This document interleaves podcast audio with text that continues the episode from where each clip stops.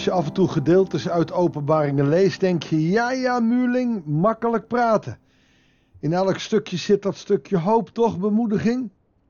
Nou, als je het gedeelte van vandaag leest, lijkt het daar opeens weer niet op. Maar soms moet je even doorlezen. En dat gaan we dan vandaag ook maar doen. Als we lezen uit Openbaringen 9, de versen 13 tot en met 21. Goeiedag, hartelijk welkom bij een nieuwe uitzending van het Bijbels dagboek. We lezen dus vanaf vers 13. Toen blies de zesde engel op zijn bazuin. Uit de vier horens van het gouden altaar dat voor God staat, hoorde ik een stem. Die tegen de zesde engel met de bezuin zei: Maak de vier engelen los die bij de grote rivier de Uivraat gevangen zitten. Wellicht doet dit denken aan de schepping, waar er een engel stond voor het paradijs. Klaarblijkelijk zijn hier ook vier engelen, gevallen engelen, bij de Eufraat gevangen gezet.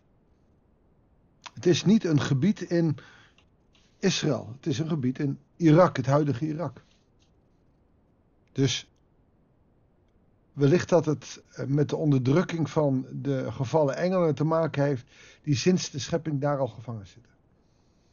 Die vier engelen werden losgemaakt. Ze waren gereed gehouden om juist op dit uur van de dag, in deze maand van dit jaar, een derde deel van de mensen te doden.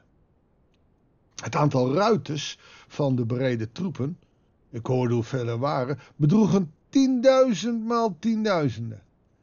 Dat is een heleboel. Zo zagen de paarden en de ruiters in het visioen eruit. Hun borst. oh, wacht even, daar heb je hem. In het visioen. Het is een visioen. Hè? Het is dus een voorafschaduwing van wat er gaat gebeuren. In de taal van die tijd, in de beeldspraak van die tijd. Hun borstpansen waren vuurrood, violet en zwavelgeel. De hoofden van de paarden waren als leeuwenkoppen en uit hun mond kwamen vuur, rook en zwavel. Verterend dus. Een derde deel van de mensen werd gedood door deze drie plagen. Het vuur, de rook en de zwavel uit de mond van de paarden kwamen. Want de kracht van de paarden zat in hun mond en in hun staart. Die staarten hadden koppen en leken net slangen. Daarmee richtten ze onheil aan. Nou, lekker.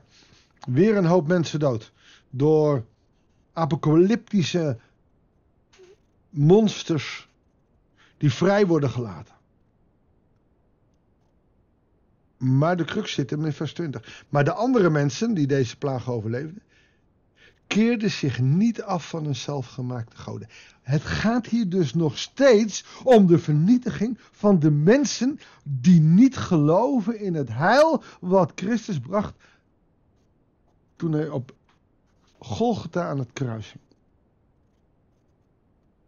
Het gaat hier dus over mensen die het zegel niet dragen.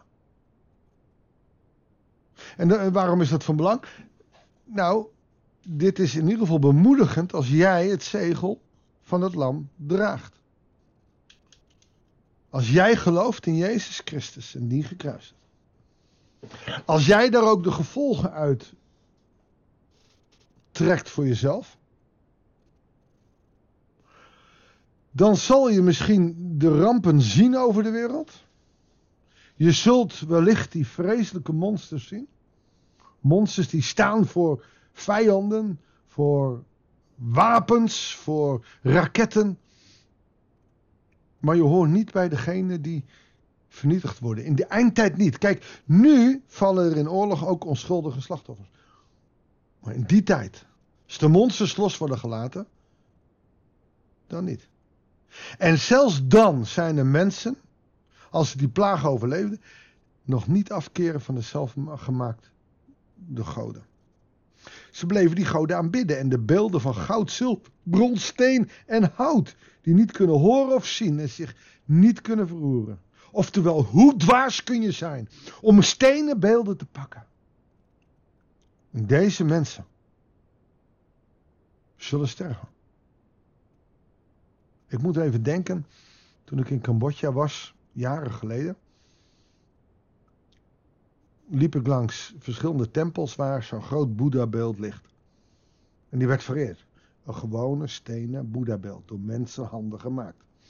En mensen offeren daar het hele kapitaal wat ze hebben aan Boeddha op. Soms waren ze van hout, van steen, met een laagje goud, zilver of brons eroverheen.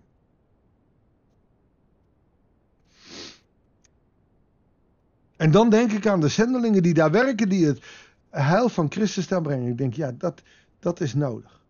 Maar het gek is, in Nederland vinden we Boeddha ook wel leuk. Aan de muur. Nee, we doen er niks mee. Op een of andere manier halen we heel makkelijk gewoon afgoden beelden in huis. Alsof het niks is, terwijl mensen ervoor sterven. Terwijl God laat zien, als je Christus lief hebben.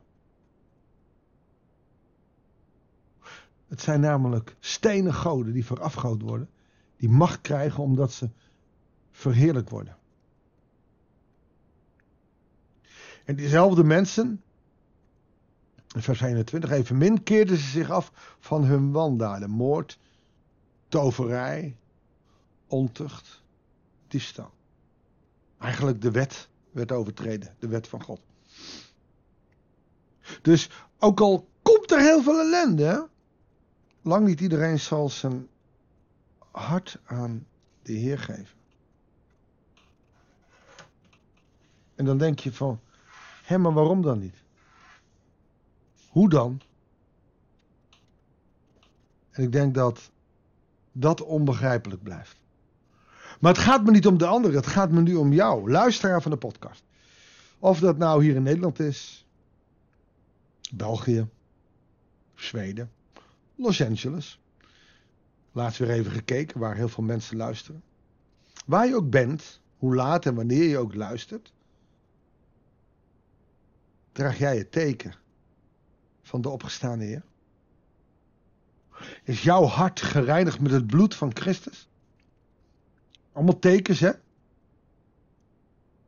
Leg jij je hart open voor God en zeg je: Hier is mijn hart, Heer. Het helemaal in bezit. Of hou je nog heel veel voor jezelf? En dus wederom jouw ik, jouw ego, toch ook wel een van de afgoden. Om durf je, of durf je echt je over te geven aan God? Weet je, dat is een van de moeilijkste dingen. Het gaat me even niet om al die mensen, het gaat me om jou, om jouw zielenheil. Heb jij je hart aan God gegeven? Heb jij je overgegeven en wil jij je best doen om elke dag weer iets van de liefde van God op te nemen? Om elke dag te zoeken naar wat de wil is van God met jouw leven? Of ren je weg net als Jona, als de vraag even te heftig wordt?